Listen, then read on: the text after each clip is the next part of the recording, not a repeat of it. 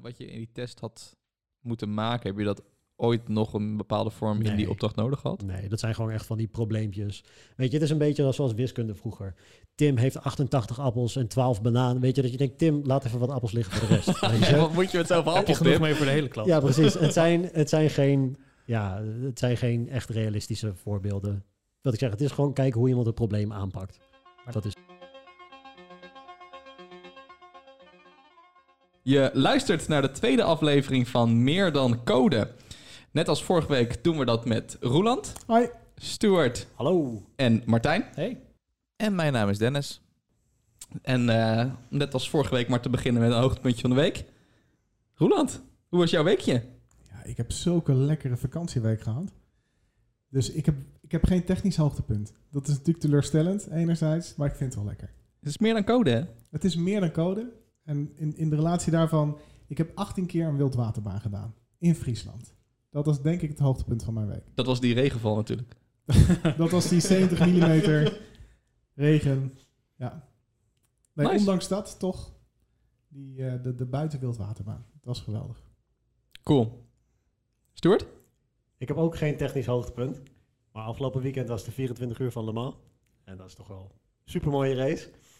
En ehm, ja, veel er kan opeens heel veel gebeuren in 24 uur. Maar het meest pijnlijke is toch wel dat je dan, dan rij je 24 uur, klokje tikt af, nog één rondje, 12, 13 kilometer of zo. Je ligt aan kop in je klasse en dan houdt je auto ermee op in de laatste ronde. Maar daardoor hebben we wel een Nederlandse winnaar. Dus dat is wel weer mooi. Lekker. Mooi. Ik wist het helemaal niet. Wie is de winnaar? Eh, Robin Vrijns. En die heeft met zijn team dan gewonnen als enige Nederlander. En Racing Team Nederland is tweede geworden in die klasse. Cool. Dat is ook wel tof. Nice. En dat is een volledig Nederlands team. Dus Hollandse glorie. Vet. Dus eigenlijk voor iedereen een hoogtepunt. Voor iedereen een hoogte. Maar we wisten het niet. maar jullie wisten het alleen niet. Maar jullie dachten al, potdikkie, wat hebben we een goed weekend. Ja, ik voel, ik voel Ja. me goed. Ja. Mooi. Martijn? Yes, ik eh, ben in mijn vrije tijd bezig met het maken van eh, metalen huisjes. Ik giet dat brons, die monteer ik op een steen en dat noem ik dan kunst. En ik heb dit weekend meer, deze week mijn eerste verkocht. Lekker. Gefeliciteerd. Dankjewel. Dus dat eh, vond ik een groot hoogtepuntje. Gewoon een ordinaire plug eigenlijk. ik, ik, ik heb geen webstore. Ik Nog alleen maar niet. via via te verkrijgen. en mijn naam is niet genoemd, dus dat komt Ik wilde eigenlijk zeggen van, krijg ik er nog een bonnetje bij? Of, eh? Ja, precies. Ja, maar daar was ik echt blij mee. Voel als waardering. Mooi. Ja, snap ik. Cool. Leuk. Dennis. Dennis, ja. heb jij een hoogtepunt? Eh, nou ja, eigenlijk wel. Ik heb eh, vorige week met wat collega's een VR zombie shooter gedaan. Dat klinkt vet. Dat was echt heel vet. In Amsterdam. En het dachten, nou ja, gaat dat goed werken? Want je zit met z'n zes in één ruimte. Je hebt allemaal zo'n Oculus op je hoofd. eh, en een wapen in je hand. Maar het werkte best wel aardig. Je zag elkaar in de game. Ehm, het, het liep allemaal soepel. eh, je kon eh, wapens wisselen. En het, we waren blijkbaar ook goed. Dat Zat was- je aan een draad of zat de computer Nee. op je rug? Ik had op mijn rug. Ja. Oh, die zijn heel vet. Die wil ik altijd nog een keer doen. ja. Want je Nou, ziet ook de, de wapens toch in de echte Zeker, wereld ja, je moet ook 3D. reloaden en zo. Ja, want die, dat zijn echt props die je kan gebruiken, Ja, toch? absoluut. Dat, dat is Het is echt heel vet. Maar heeft er iemand, is hij ergens tegenaan gebotst? Alleen tegen elkaar.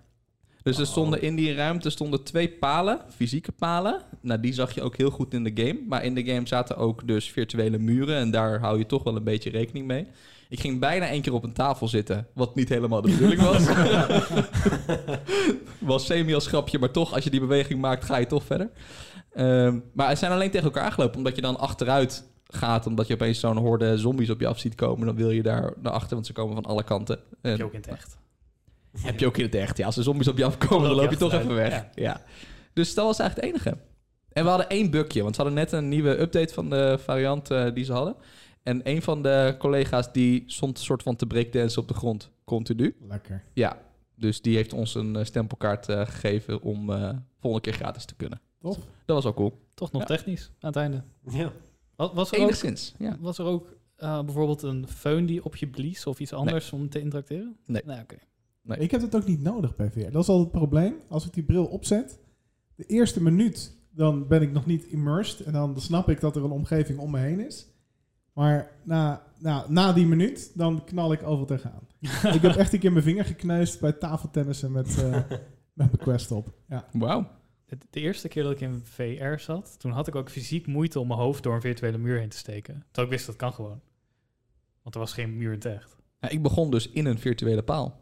Dat was ook gek. Dus dan zag ik overal om me heen, zag ik allemaal van die, eh, hoe zeg je ja. dat? dat eh, Ja, jij claustrofobisch. ja. er, zei Oh, ook is iemand, er staat iemand in de paal. Dat ben ik volgens mij. En ik zat echt zo om me heen te kijken en dat was een beetje gek. Maar Dit is die levend begraven simulator. ja, dat was heel freaky. Dus dat, mijn hoogtepuntje. Was wel echt, eh, was echt heel cool. Gaaf. Zeker. Dan terugkomend op onze vorige aflevering. Hebben eh, jullie daar nog een beetje vragen op gehad? Zeker. Ja, we hadden nog een vraag en dat zijn we eigenlijk allemaal vergeten te vermelden. We hebben het gehad over het hercertificeringsprogramma van Microsoft, wat nu ehm, ja, eigenlijk sinds juni is, is gestart. Dat je gratis dus je ehm, certificaten opnieuw een jaar geldig kan maken. Ja. Ehm, maar dat het gratis was, hadden we niet bijverteld. Dus het is helemaal kosteloos. Je kan gewoon gratis. Het kost je geen geld meer. Eh, dus je betaalt niet 165 euro voor een examen. Je kan gewoon kosteloos die examens eh, doen. En dat is nog een betere reden om binnen een half jaar te doen. Want na dat half jaar moet je dus wel weer de kosten betalen. Eh, en ben je weer 165 euro kwijt. Dus echt gewoon nul reden om het niet te doen. Er zijn nul redenen om het niet te doen. Nice. Nou, cool. Goeie vraag. Zeker, ja. Ja, ik kreeg nog een reactie ook op ons punt van de vorige keer over eh, recruitment. Dat er een, een attribuut vergeten was in te vullen en dat er daardoor eh, bracket, project bracket stond in plaats van de daadwerkelijke projectnaam. En ik kreeg feedback dat eh, sommige recruiters dat expres doen om een reactie uit te lokken. Maar het enige wat ik dan apart vind, Stuart, is dat jij een reactie terugstuurde, dus duidelijk effectief, maar hij antwoordde niet. Nee, nog steeds niet. Nee, precies. Dus, Dus eigenlijk, ik denk dat deze niet expres was, maar gewoon echt dacht van, oh, ik heb het verpest. dus sommigen denken erover na, sommigen laten de bal liggen. Ik heb het idee dat je 1-0 achter staat als recruiter als je dat doet. Omdat je dan... Het is natuurlijk al schieten met hagel vaak. En nu heb je echt het idee dat, dat het gewoon schieten met hagel was. En dat ze niet eh, de moeite hebben genomen om jouw profiel daadwerkelijk te bekijken. Ja, denk ik ook hoor. Maar goed, het is natuurlijk altijd een mooie reactie om te zeggen, take expres. Ja, ik bedoel, het, blijkt te werken. Als je vervolgens er intelligent op terugpakt, dan eh, is er wel een slag mee te halen misschien. Ja, true. Maar dan moet je wel reageren. Ja, Ja, precies. dat- daarom. Dus daarom is het volgens mij in dit geval vrij duidelijk wat Ja. gebeurde. Ja, of we hebben het er nu weer over. Werkt deze harde ja, ja. dat... Hij laat het gewoon even een maand hangen Er en is dan niet hij erop. Er is niet zoiets als slechte pers. Ja, precies. precies. Nee. Als hij er nu op terugkomt dat hij het in de podcast gehoord heeft. Dan, Dan steek, dan, dan denk is het goed volgende week nog een contract. Ja, dan gaan we babbelen. nou, je hoort het hier als eerste. Niet maar hopen dat hij luistert. Zou wel heel, groot heel leuk zijn. Ehm, dan gaan we maar door naar ons eh, eerste technisch onderwerp, Mooi. denk ik. Ehm, ik heb hier op de agenda staan... Run Azure SQL Everywhere. Ja, dat, dat was toch wel. Ik, ik, ik had hem erop gezet. Ik vond het. In eerste instantie, laten, laten we bij het begin beginnen. Microsoft die heeft ooit aangekondigd eh, Azure Arc als managementoplossing voor eh, multicloud. Dus dan kon je je cloudomgevingen eh, van AWS, van eh, GCP ehm, en Azure kon je dan in één platform eigenlijk eh, beheren.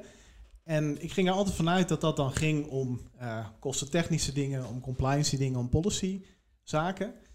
Ehm, maar ze hebben dat nu een stap verder getrokken. Dat je dus inderdaad ook resources daadwerkelijk in de andere clouds kan draaien. En ze kan beheren alsof, je dat, alsof het gewoon in Azure staat. En sinds kort, eind juli, hebben ze de Azure Data Services staan toegevoegd. En nu kan je een eh, Azure SQL Managed Instance eh, of een Postgres SQL database die kan je dus in AWS neerzetten, in een Kubernetes cluster.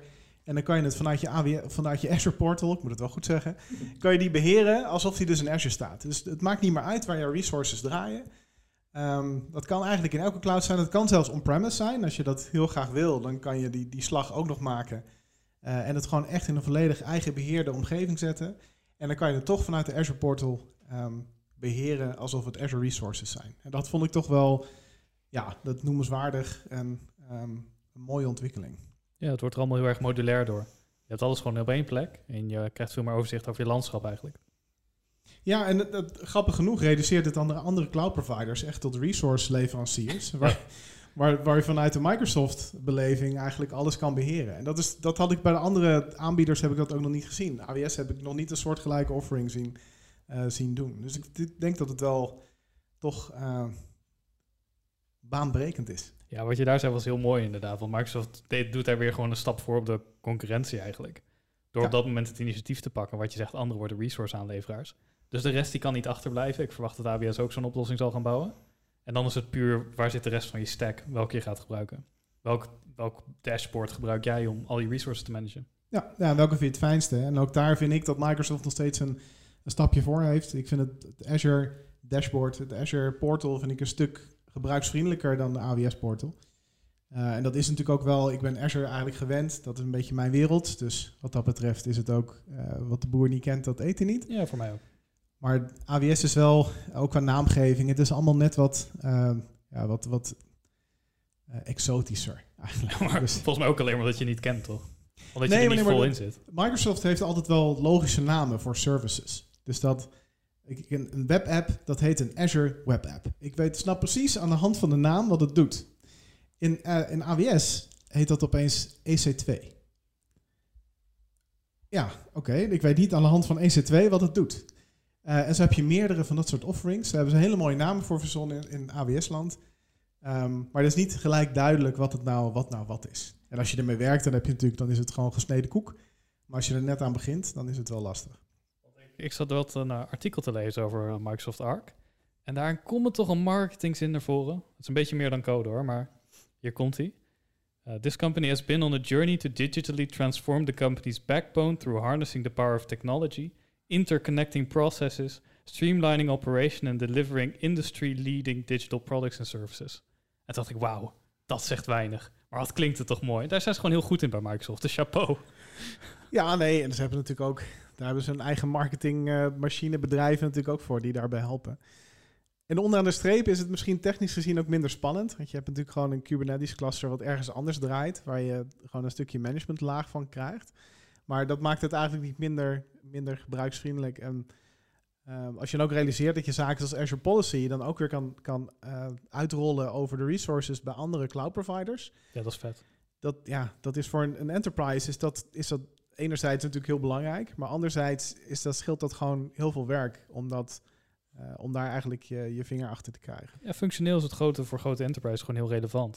Ik bedoel ook dat je connections kan bouwen naar de dashboard van Azure vanuit je eigen resources, dat je die gaat koppelen. Dat is gewoon super cool. Ja, en ook resiliency. Want ik bedoel, tuurlijk, weet je wel, Azure heeft niet heel veel downtime. Um, maar als jij echt voor, voor een hele hoge de, uh, uptime wil, niet een downtime, dan uh, ja, als je dan andere cloud provider resources kan inzetten, ja, dat is bijna per definitie heb je dan een hogere, uh, een hogere uptime. Als een soort fallover probeer, bedoel je? Ja, die hoeft dan niet eens veel over. Als het in een Kubernetes cluster zit, dan kan je dat gewoon vanuit de, de, dezelfde beleving laten managen. Wat dan wel, nu ik dat zo zeg, is het wel interessant of dat blijft werken. Stel dat, stel dat alle Azure resources wegvallen, werkt het dan nog vanuit Azure Arc dat hij inderdaad die veel over doet? Dat is nogal interessant om uit te zoeken, misschien voor een volgende podcast. Um, maar ja, het is Kubernetes, dus ik ga ervan uit dat dat gewoon blijft werken. Zou er een andere situatie zijn waarin je dit zou willen gebruiken? Want ik kan me niet zo snel iets bedenken van... ik zit al in Azure, kom laat ik nu ook resources in AWS draaien... want ik kan het vanuit Azure. Behalve dan inderdaad failover of backup resources of iets dergelijks. Nee, ik denk niet inderdaad dat je snel gaat... dat je snel kiest voor een Azure Arc oplossing... als je gaat voor een hoog beschikbaarheid oplossing. Dan biedt Azure voldoende op zich. Maar heel veel enterprises hebben natuurlijk al multi-cloud. En die hebben al hybride oplossingen en die hebben ook een stukje wat naar on-premise dan spant. Mm -hmm. En dan is het natuurlijk wel, uh, ja, dan heb je opeens een unifier. En dan is het opeens de, de, dezelfde omgeving waar je alles uit kan beheren. En dan is het opeens heel erg handig. Ja, het gaat over simpeler maken van die complexe omgeving die al bij heel veel grote enterprises ontstaat. Ja, precies. Ja. Ga ik hier dan ook uh, veel meer voor betalen? Um, nee, nee, in principe niet. Ja, in principe, want het is je als je niet, het op dit moment niet in een container hebt staan, ja, dan zal je wel een investering moeten doen om het natuurlijk in containers te gaan draaien. Um, maar Want, daarna is het veelal voordeliger. Nice, interessant onderwerp. Um, heeft iemand nog een toevoeging hierop? Nee. Lekker. Anders houden we echt niet om het praten. nee, heel goed. Nee, dan... Uh, nee, volgens mij hebben we alles wel over gezegd, toch? Ja. Nou, of alles erover gezegd, wat we nu Dus ja, precies. We zijn ermee klaar. Dit was het, jongens. Ik bedoel, het AWS, als je het wil kopiëren, dit, dit is... eh, Dit is wat je is moet doen. ja. Jeff, bel me. of hij is de baas niet meer, hè, tegenwoordig. Hij heeft geen nut. Maar mag alsnog wel. Maar ja, Is hij de baas niet meer? Nee, volgens mij ook niet officieel. Hij is geen CEO Hij is meer. gewoon groot aandeelhouder en verdient al het geld, maar Waarschijnlijk wel. doet hij goed. Hoeft niks meer te Een doen. beetje ruimtereisjes maken. Ja, Hij, precies. Hij mag alle ideeën opperen, maar geen verantwoording meer afdragen, eigenlijk. Dat is waar het op neerkomt. En plotseling, ik was niet meer jaloers. En plotseling ben ik weer wel jaloers. Ja. Nice. Ehm, toen ik eh, laatst deze laptop kocht, mijn eh, mooie Dell, eh, wat is het, XPS eh, 15. Er zijn ook andere laptopmerken beschikbaar. ja, precies. Ehm, kreeg ik hier mooi Windows bij. Ehm, maar dat hoeft tegenwoordig natuurlijk niet meer. Want we hebben nu Windows 365. Je bedoelt, ik hoef geen laptop meer te kopen? Je moet nog steeds een laptop ja, kopen. precies. Maar eh, de Windows halen we gewoon uit de cloud tegenwoordig. Moet je een laptop kopen? Want als je de Windows uit de cloud hebt, dan draait hij een browser. Ik heb op mijn mobiel gewoon een browser. Dan koop je geen laptop. Eindelijk. nou, zo bedoelde ik het ook weer niet. ja, maar dat leek me juist een van de punten. Van als je het gewoon uit de cloud kan trekken en je hebt het op je browser, is het dus ook automatisch multiplatform. Ja, volgens mij eh, kan je het overal waar je een browser Als hebt. het op alle mobiele browsers natuurlijk gesupport wordt. Ja, dat is een goeie. En daarnaast, hoe chill is het om Windows te gebruiken op een telefoon? Nou, sterker nog, ik heb ook een browser op mijn Switch. Hey. Ja, Ja, maar hoe chill is het om ik- Windows te draaien op ik- Switch? ik kan eindelijk programmeren op mijn Switch. Nou, ik denk waar. dat dat is natuurlijk het valide punt wat Martijn maakt. Je draait hem dan niet meer op de Switch. Dus je Switch is dan alleen maar de portal Ja. die, die het streamt naar eh, de cloud. Dus als je je Switch aan de tv hangt en je verbindt er een toetsenbord aan, dan heb je natuurlijk een goede, eh, een goede ervaring. Een Ja, goede- ja. Precies, leek me een van de grote selling points. Zeker. Maar inderdaad, wat Stuart zegt, als het ondersteund wordt op het platform. Dat is wel een Ja. grote if natuurlijk. Want niet, de mobiele browsers zijn niet per se de browsers die je nu op je laptop hebt staan. Yes. Dus daar hangt het natuurlijk wel heel erg van af. Op het moment Windows 365. Ik weet niet eens of we de naam al hebben genoemd. Windows 365. Hebben we het al gezegd dat het zo Ja, heet? ja, ik zei het al. Volgens mij zei Dennis het. Oké, nou, dan heb ik gewoon niet zitten opletten. Maar goed, dat zijn we wel gewend. Maar ik haal de woorden uit je mond, Dennis. ik wilde het ook zeggen. Maar, ehm, eh, nou weet ik niet eens meer wat ik zelf wil zeggen, joh. Dat is wel gek. Nou, maakt niet uit. Ehm, is het een goede toevoeging? Ik denk dat het voor businesses, en Ja. daar is het voornamelijk nu op, eh, op gericht natuurlijk. Dat was mijn punt wat ik wilde maken, dat het op businesses gericht Graag was. gedaan. Dus dat je als particulier met je Switch waar je op wil programmeren, dat je nog niet heel ver komt. Het is nog niet particulier beschikbaar. Ik ben business. Ja, jij bent een business inderdaad. Ja, je hebt al één huis verkocht. Hey, Hey. hey. dankjewel. Daar begint het. ja, ja, ja.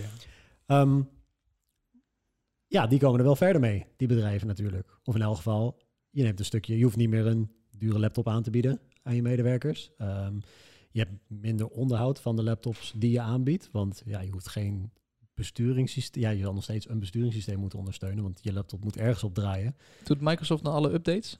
Ja, die staan standaard aan. En het voordeel daarvan is dus dat ding staat of is altijd beschikbaar voor updates. In tegenstelling tot je laptop die je misschien aan het eind van de dag uitzet. En je neemt wel gewoon een groot stuk onderhoud uit handen van nou ja, de IT-afdeling van een bedrijf. En dat is denk ik ook het grote verschil met een virtual desktop. Toch? Want daar draai je ook gewoon, daar kan je ook gewoon uit de cloud halen, Windows op draaien. Ja, maar als je dan inderdaad gewoon een virtual machine, zoals wij die wel kennen vanuit Azure, dat je die opzet, dan ben je vaak nog wel zelf verantwoordelijk voor het onderhoud van het besturingssysteem. Ja, maar inderdaad, zoals Citrix bijvoorbeeld, die, die virtuele desktops aanbiedt, daar is het natuurlijk wel vergelijkbaar mee. Ja. Ehm, alleen is dit natuurlijk naadloos geïntegreerd met het hele Microsoft-ecosysteem. Dus als jij Microsoft 365 gebruikt, dan is Windows 365 daar automatisch mee gekoppeld. Dus ook alle resources die je wil ontsluiten binnen Windows 365, die je bedrijfsmatig ontsluit, dus je netwerk shares en ja, als je nog een printer gebruikt, een printer. Of in ieder geval alles wat je aan je netwerk hebt hangen of in de cloud hebt hangen. Dat is eigenlijk automatisch is dat voor je gekoppeld. Dus dat is een hele beheerslast die je daar natuurlijk in wegneemt. Ehm, dus ook voor tijdelijke werknemers. Dus als je, na het, het- of als je iemand kort in dienst hebt, dan zijn ze heel makkelijk te onboorden. Dus dan zijn ze heel makkelijk hebben ze een werkplek. En ik denk dat we allemaal wel eens hebben meegemaakt dat je bij de klant kwam en dat het toch nog even een weekje duurde voordat de, de werkplek ehm, beschikbaar was. Vind ik nog best snel. Dat is soms best snel. Ik, eh, ik, ik ben heel, eh, heel lief nu, maar soms duurt het langer. Maar dat, ja, nee, dat is natuurlijk doodzonde, want dan dat, dat hindert je gewoon in je werkzaamheden. Dus dat, ik denk dat het ook daarvoor dat het allemaal veel sneller kan, eh, kan gaan. Ook voor, bedacht ik me net, ook voor eh, internationale zakenmensen is het interessant. Want sommige data protection laws betekenen dat je bij de douane in moet loggen op je pc om te kijken wat voor documenten je erop hebt staan. En als je je hele pc in de cloud hebt, jij kan natuurlijk al, browser maakt dan niet heel erg uit, is dat veel makkelijker, want je hebt geen device mee. Je logt gewoon in op locatie. Ja, andersom betekent dat dus ook dat jouw data dus ergens ook allemaal op één plek staat. Zeker. Ja, helaas is dat wel ook de wereld een beetje waar we heen gaan. Maar je hebt helemaal gelijk, het kan op die plek gezocht worden. Ja, ik weet ook niet of dat helaas is hoor. Maar dat, dat is, ik denk dat het daar vaak veiliger staat dan eh, in de oude wereld. Maar het is wel iets om rekening mee te houden natuurlijk. En nog een use case die ik me bedacht is eh, dat het heel chill wordt als je het makkelijk kan inloggen op één device en dan gewoon files naar binnen kan halen.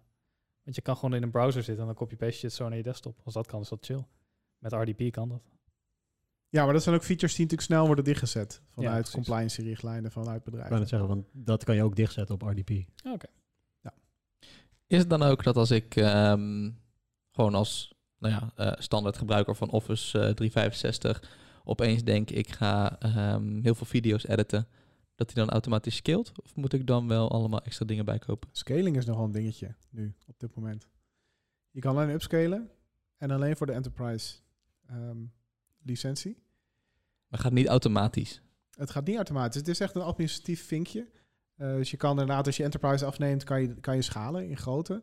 Maar alleen maar omhoog. Je kan dus nooit meer downscalen. Oh echt, ik wilde die grap maken, maar het is echt zo. Nee, het is echt, er zijn nog geen downscale mogelijkheden. Niet in ieder geval eh, vanuit een GUI. Dus je kan natuurlijk je abonnement opzeggen en een nieuw abonnement maken. En dan, dan zou je natuurlijk dat als downscale kunnen zien. Maar ben je dan je data ook kwijt? De- dan- Microsoft, als je account verwijdert, dan bewaren ze nog eventjes. En eventjes kon ik niet helemaal herleiden hoe lang dat was. Maar zal dat inderdaad niet gewoon via een GUI zijn? Want in, in Azure zijn er soms ook limieten. En dan kan je een re- request inschieten en dan is het opeens, dan wordt je limiet zomaar verdubbeld. Van bijvoorbeeld het aantal cores wat je binnen een subscription mag draaien. Ja, het is natuurlijk nog enigszins in, in test. Het is Mhm. natuurlijk nog niet helemaal vol, vol beschikbaar. Je kan nu ook nog geen eh, licentie afnemen. De licenties zijn allemaal, die hadden ze beschikbaar gesteld. Die zijn allemaal op, zeg maar. Dus hebben op dit moment hebben ze er even een stop op gezet om te kijken hoe het gaat lopen.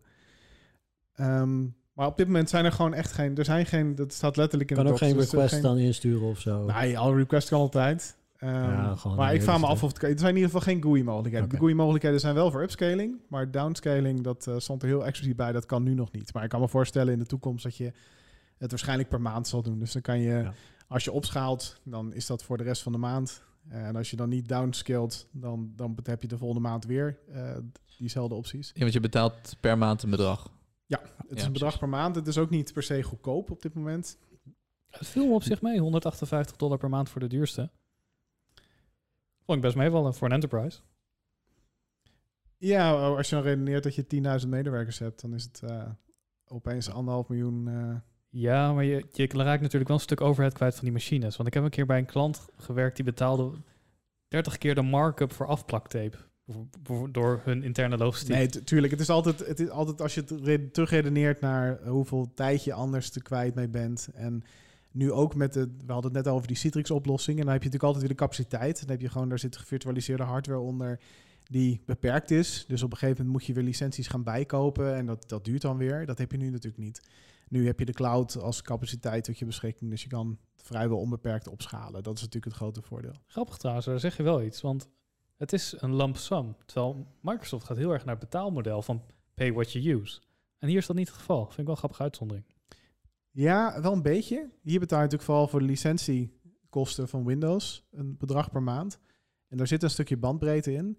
Ga je heel veel bandbreedte gebruiken, moet je dat nog los afberekenen wat je betaalt. Ja, ik zou Ja, verwachten dat als je hem uitzet, dat je niet betaalt. Maar dat is dus wel zo.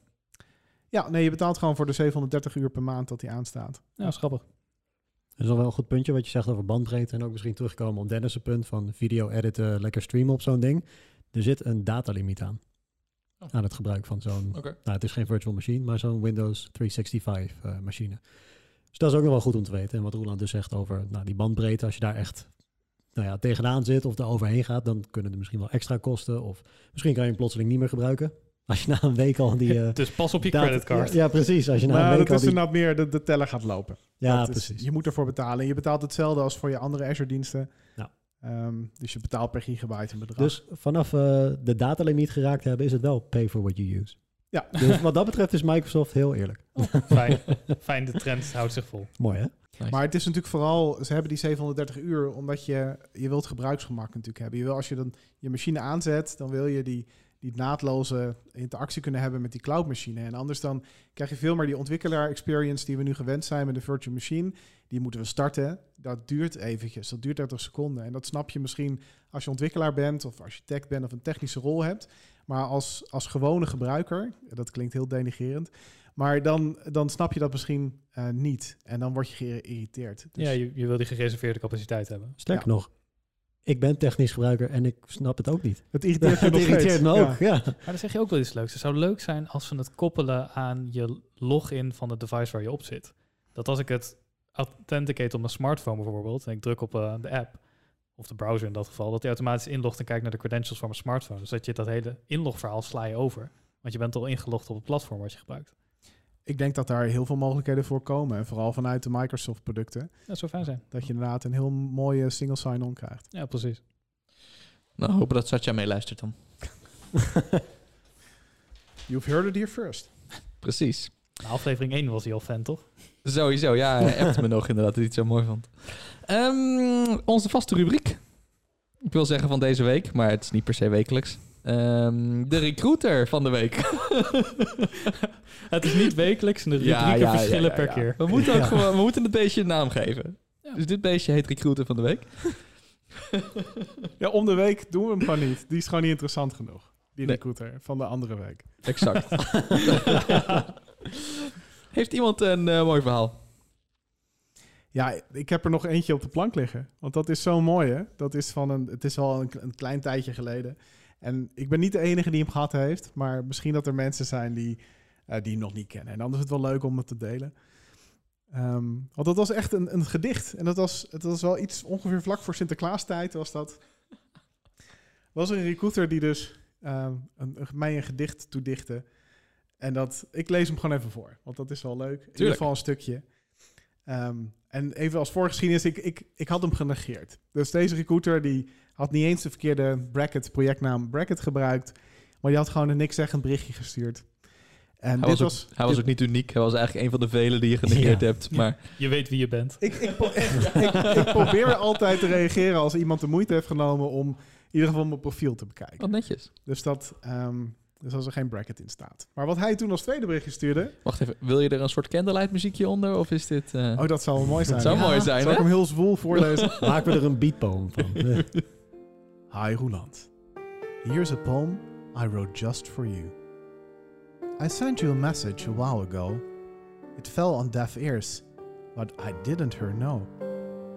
All I asked for is five minutes of time, but you keep on ignoring me, so I wrote you a rhyme. A client of mine believes you you're a star who can build .NET apps for clients afar. With the backing of Microsoft and 15 days training, you never hear any of their staff complaining. So give me a chance to prove you were wrong, and then we won't need to, to need any more stupid songs. Thanks for listening. What is your number and the best time to call? This was worth a five minute phone call, right? Mooi. Ja, dus ik weet dat meerdere mensen hem gehad hebben. En eh, ik denk dat de meeste mensen ook wel weten welk bedrijf hier achter schuil gaat. Eh, er stonden wat hints in, dus dat is altijd. We zullen de naam niet noemen. Ehm, Is niet nodig. Maar ik vond hem wel, ik, dat is weer noemenswaardig. Het was wel, dit was wel, hij sprong er wel uit. Het is de enige Ja. keer dat ik ooit een gedicht heb gehad. maar heb je dan wel op dit gedicht rea- gereageerd? Met een eigen gedichtje? Met een, ja, perhaps? precies. Eh, ja, die heb ik alleen niet, niet bij me. Maar ik heb Oeh. inderdaad met een rijmpje gereagereageerd. Ja? Dat is wel, ja. ik- Volgende wel, ja. keer. Die neem ik voor de volgende keer Volgende mee. keer. Nice. Ja. Goeie. Ik vind het een mooie recruiter van de week. Dan gaan we door naar ons eh, volgende technisch onderwerp. Blazor on static web apps. Ja, en dat hoeft eigenlijk niet eens Blazor te zijn. Hè. Dat mag gewoon alle Azure Static Web Apps kunnen dat zijn. Gewoon static web apps. Om het gewoon te spoilen. Maar Blazor is zo mooi, toch? Is Blazor mooi? Is Blaze mooi? Ik heb het ook niet geprobeerd inderdaad. Nou ja, ik heb het wel geprobeerd. Eh, maar je weet nog niet of je het mooi vindt. Nee, ik heb nog niet zoveel geprobeerd dat ik er echt per se een oordeel over kan vellen. Maar eh, nu ben Maar ik wel weet- heel benieuwd, wat vind jij er dan mooi aan, Ja. Dennis? In je korte ervaring ermee. Nou ja, het is natuurlijk fijn dat ik met de beperkte .NET C-sharp kennis die ik heb ook gewoon frontend dingen kan bouwen. En heb je mooie dingen gemaakt ermee? Nee, nee, nee. Ik heb gewoon die, eh, die standaard ding doorlopen om zo'n eh, to-do-lijstje te maken. Maar dat werkt goed. Ja, dat werkt perfect. Dat werkt heel erg goed. Ja. Ja. Maar ik vraag me af of het... Weet je, ik, ik ga altijd naar Angular als ik zoiets wil maken. Omdat ik dat ken. Ja, maar dit is voor een C-sharp ontwikkelaar die geen front-end frameworks kent. Is dit natuurlijk... Je hoeft daar niks voor te kennen. Dit is eh, de oude wereld. Gewoon, eh, of oude wereld, het zijn wel Razor pages. Maar het is niet, het is niet heel erg ingewikkeld voor een C-sharp ontwikkelaar om, om dit soort formulieren te maken. Daarmee. En in Angular is dat echt wel natuurlijk een, een flinke learning curve. Had wat learning curve inderdaad. Maar als je het eenmaal onder de knie hebt. Precies. Ja, maar voor al die C-sharp ontwikkelaars die liever geen frontend doen, is dit wel een uitkomst, denk ik. En daarbij komend, het draait natuurlijk volledig in je browser. Dus je alle, eh, al die calls, die natuurlijk niet naar je, die niet naar je backend gaan, maar ehm, de rest dat draait allemaal gewoon lokaal in je browser. Dat is natuurlijk wel heel prettig. Want dat is met WebAssembly. Dat is WebAssembly. Ja. Hoe eh, werkt dat precies? Hoe werkt dat precies? Ja. Hebben we even een uurtje? Nee. Ehm, nou, dat, wat, wat Blazor doet, Blazor is de implementatie, de mono-implementatie van eh, C-Sharp.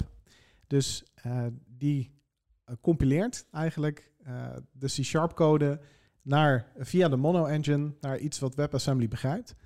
Waardoor onze C-Sharp code dus gewoon in de browser werkt. Dus als jij een Blazor webpagina opvraagt, dan haalt hij alle DLL's houdt hij binnen. Dus als je naar jouw network ehm, Watcher eigenlijk aanzet, dan zie je al die DLL's over het lijntje gaan. Wat natuurlijk heel gek is. Het voelt heel tegenstrijdig in de webwereld. En vervolgens kan die DLL's dus ook daadwerkelijk uitvoeren en een webpagina voor jou op het scherm toveren. Maar klinkt dus alsof je browser het wel moet ondersteunen. Ja, dat, dat, je moet wel je best doen om je browser het niet meer te laten ondersteunen, want dat gaat heel erg ver terug. Ehm, en zelfs de oudere IE-versies die ondersteunen het nog met eh, polyfills. Ehm, wat dus de functionaliteit eigenlijk eh, ontsluit van eh, die, eh, die mono, is, de, de, mono-implementatie. Eh, het is wel echt heel erg langzaam, omdat het allemaal gewoon JavaScript is. En je kan het ook server-side draaien, toch? En dan werkt het met Signal R en dan polt hij waarschijnlijk of... en dan stuurt hij met de socketverbinding Ja, ik vind dat nog steeds een hele gekke, een gekke dat het is eigenlijk is dat natuurlijk geen WebAssembly, maar dat is inderdaad de andere variant van Blazor. Dat je eigenlijk alles backend draait. Dus dat je bijna als Windows 365, dat je je website gaat streamen naar je voorkant. Ehm, want dan gaat alles dus via naar WebSockets over het lijntje. Waarom zou je dat doen dan? Ja, dat is een hele goede vraag. Dat, ik, ik heb daar niet de use Nee. case voor. nodig. Maar het kan. Het kan zo goed. nou, als je intensieve processen wil draaien, ehm, die je aan de, aan de voorkant wil ontsluiten, dus die je niet aan de browser kan overlaten omdat het te traag is, dan zou het misschien nog best handig zijn. Maar dat zou je nu gewoon met een backend call kunnen doen. Dus ik, ik dus luisteraars, als jullie inderdaad een hele goede use case hebben voor ehm, de, de Blazor variant met eh, WebSockets. Misschien als je, DL, je DLL'tjes binnenboord wil houden. Ja, waarom zou je dat willen? Ben je bang dat mensen het gaan decompilen? hey, ik roep ook maar. hè. Ja, nee, het zou, het zou inderdaad kunnen. Maar waarom maak je dan niet gewoon een traditionele website? Ja, dat vraag ik me ook af. Toch? Ja, nee, maar dat, ja, dat, dat is dan makkelijker. Maak dan die Angular pagina, dan hoef je ook die DLL's niet te exposen. Maar eh, die static web apps dan? Ja, dat is natuurlijk een heel... We hebben het nu over Blazor, maar we zouden het inderdaad eigenlijk over die static web apps hebben. Precies. En ik vind het wel mooi. Ik heb er nog niks mee gedaan, maar eh, ik vind het wel chill dat het zo erg geïntegreerd is. Als je iets kleins wil bouwen, dan eh, trekt het het meteen uit je repo, gaat het meteen deze straat door en je hebt iets eh, opgezet. Dus het maakt die, die journey van niks naar even snel POC. Proof of concept maakt het heel kort. En het is super cheap. Dus het is heel goedkoop. En we hadden natuurlijk eerst die gekke route van storage. Dus je kon gewoon een Azure Storage account, daar kon je een, een, ehm, een webpagina eigenlijk aan koppelen. Dus daar kon je ook al zelfs Blazor in gaan hosten. Dan moest je een beetje vals spelen met die, die error pages en die index page. Maar dat werkte dan wel. En dit is eigenlijk de overtreffende trap. En dit is eigenlijk hoe het meer bedoeld is. Ehm, maar het geldt natuurlijk niet alleen voor Blazor. Dat geldt ook gewoon voor je Angular pagina's, voor je React pagina's. Eigenlijk alle eh frontend frameworks die kunnen dan eh, vanuit die static web apps gewoon gehost worden. Ja, want je zegt inderdaad, het is super cheap. De, de backend is dan serverless. Dus je hoeft niet de hele tijd gereserveerde capaciteit te hebben van machines die stampen in de achtergrond. Dat is allemaal pay what you use, zijn we weer. Ja, je backend kan serverless zijn inderdaad. Want die krijg je er bijna eh, een soort van gratis bij. Je krijgt daar, in het geval van Azure, krijg je daar een Azure Functions ehm, account bij. Ehm, ja, die natuurlijk toch al niks kost, normaal gesproken. Dus dat is een... eh, eh, ik weet niet hoe, hoeveel, dat eigenlijk waard is. Maar dat is een beetje het idee dat je die backend kan bouwen serverless. Dus dat je echt, alleen maar per call betaalt. Maar je zou daar natuurlijk prima ook gewoon nog een, eh, een andere implementatie van een API achter kunnen zetten. En dan kan je nog steeds je Angular pagina in een static web app gooien. Die dan eh, met alle voordelen van dien. Ehm, en dan heb je alsnog de- ja, die voordelen met een andere API backend. Zoals Martijn in het begin al zei, maakt het de journey van ik heb code nou ja, op mijn laptop staan eh, en nu heb ik een static web app in Azure, maakt het heel makkelijk.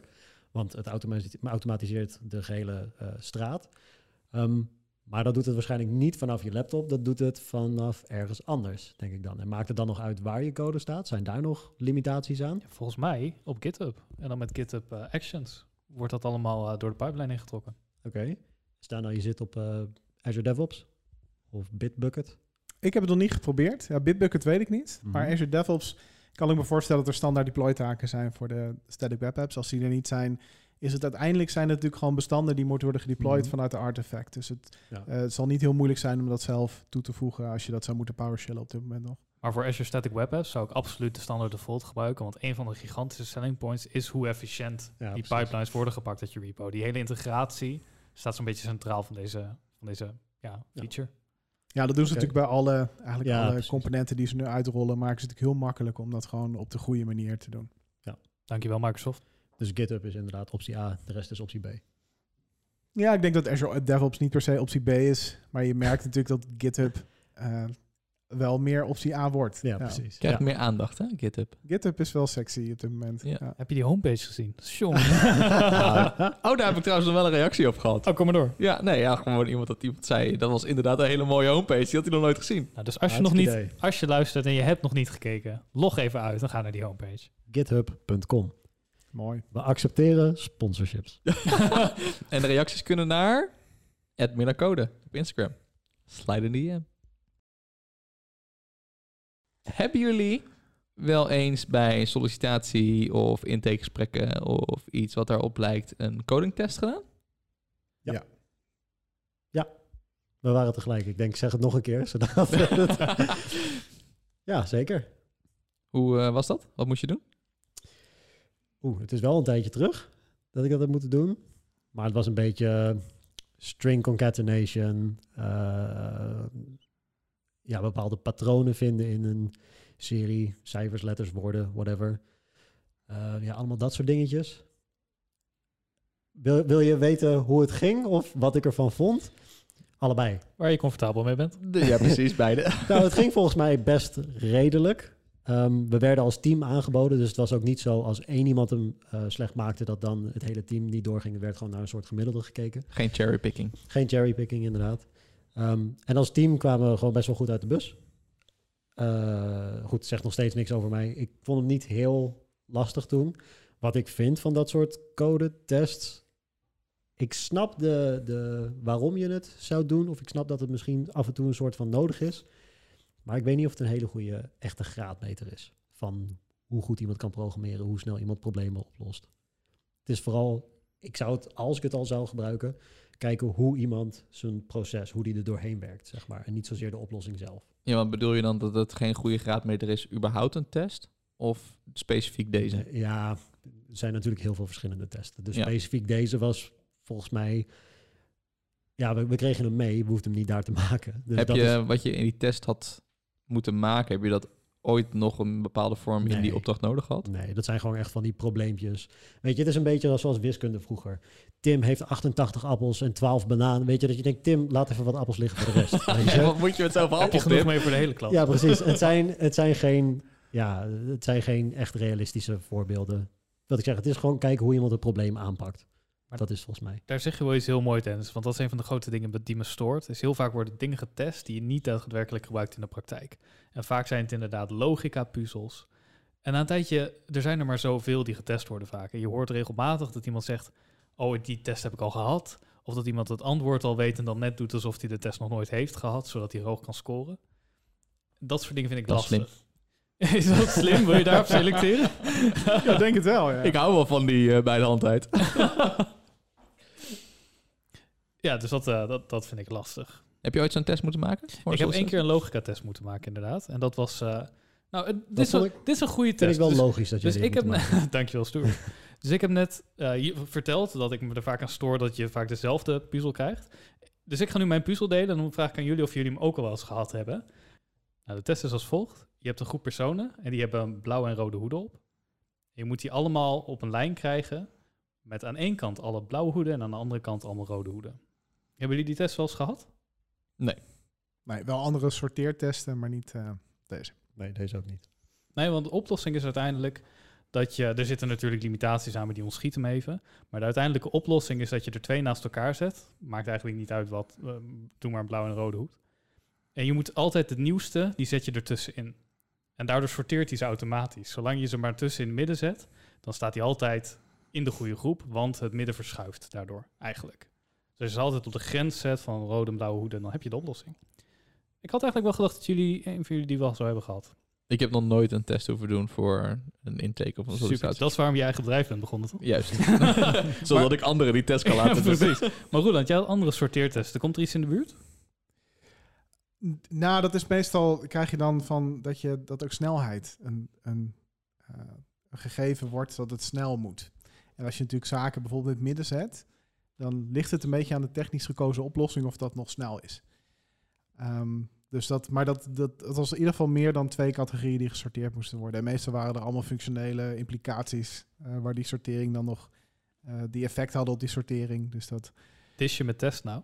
ik dis je test helemaal niet. Nee, want het is niet. Het is meestal namelijk. het- de opdracht doet er vaak niet eens naartoe. Het is meer de druk van het moment. Ja, sowieso. Ehm, en soms zijn die testen ook heel erg ehm, gemeen dat ze iets heel simpels vragen.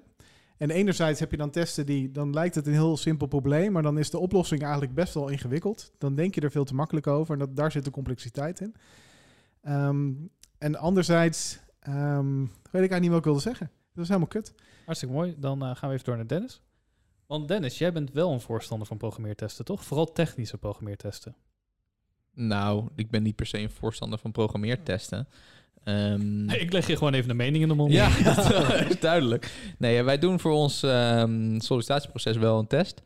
Ehm, maar dat heeft minder met puur wat jij net zegt, eh, eh, sorteeroplossingen of algoritmes te maken. Het is meer een, ehm, een, je maakt een scraper, om het heel even kort uit te leggen, een scraper en je moet de data op een bepaalde manier weer teruggeven. Het is toekomstige kandidaten, je hoort het hier. Ja, nee, het is, niet, eh, het is geen ingewikkelde test. Het gaat meer over hoe bouw je zo'n applicatie op en eh, waar liep je tegenaan. Want je krijgt eigenlijk te weinig tijd om hem helemaal perfect te maken. Dus ga je, ehm, ga je dingen minder goed doen zodat je meer kan doen, of ga je juist minder doen, maar dan op een goede manier.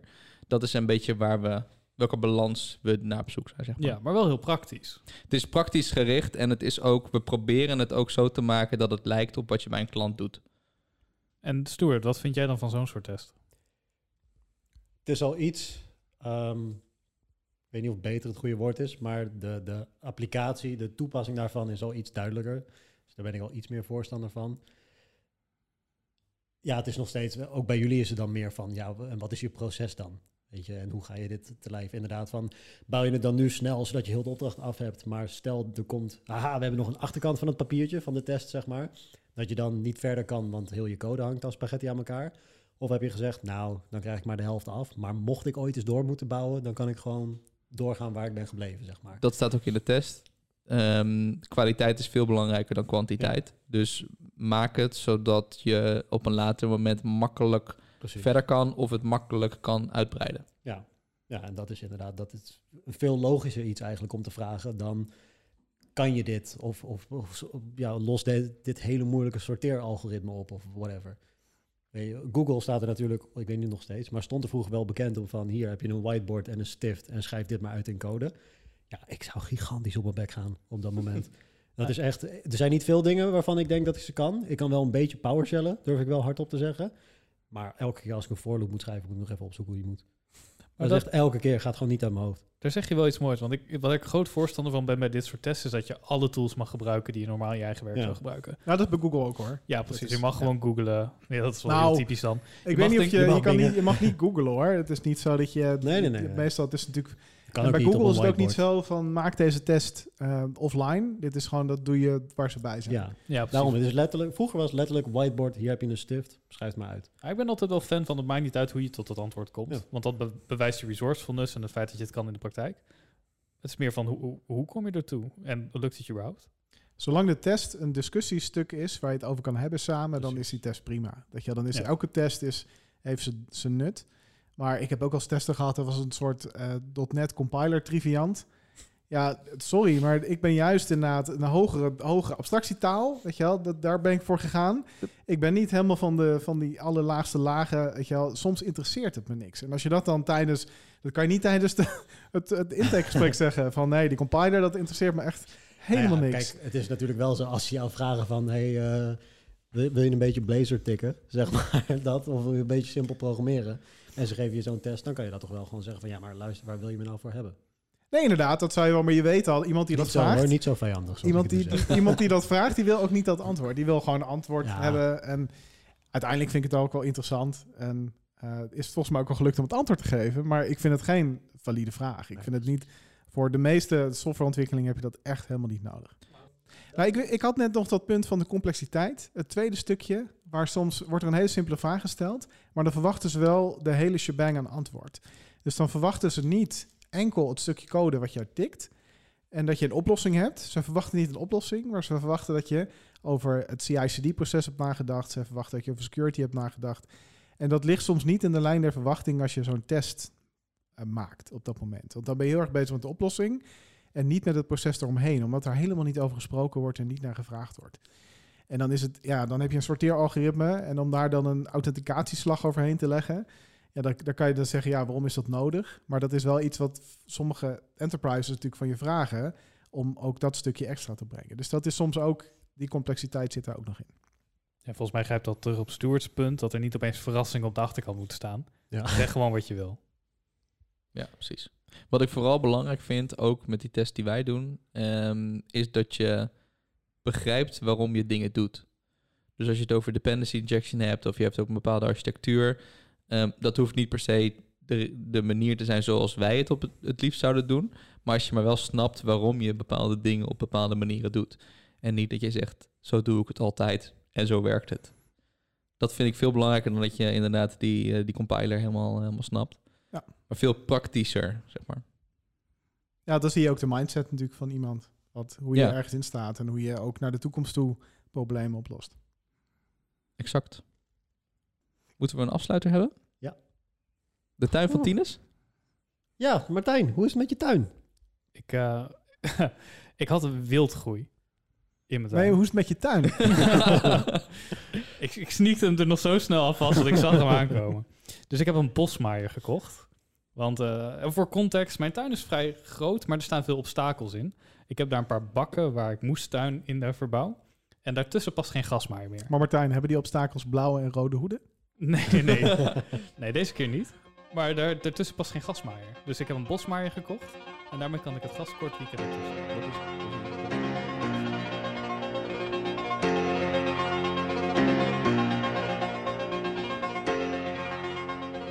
Is dit beter? Praat ik gewoon tegen de achterkant van de microfoon? Dit is beter inderdaad. oh, wat goed.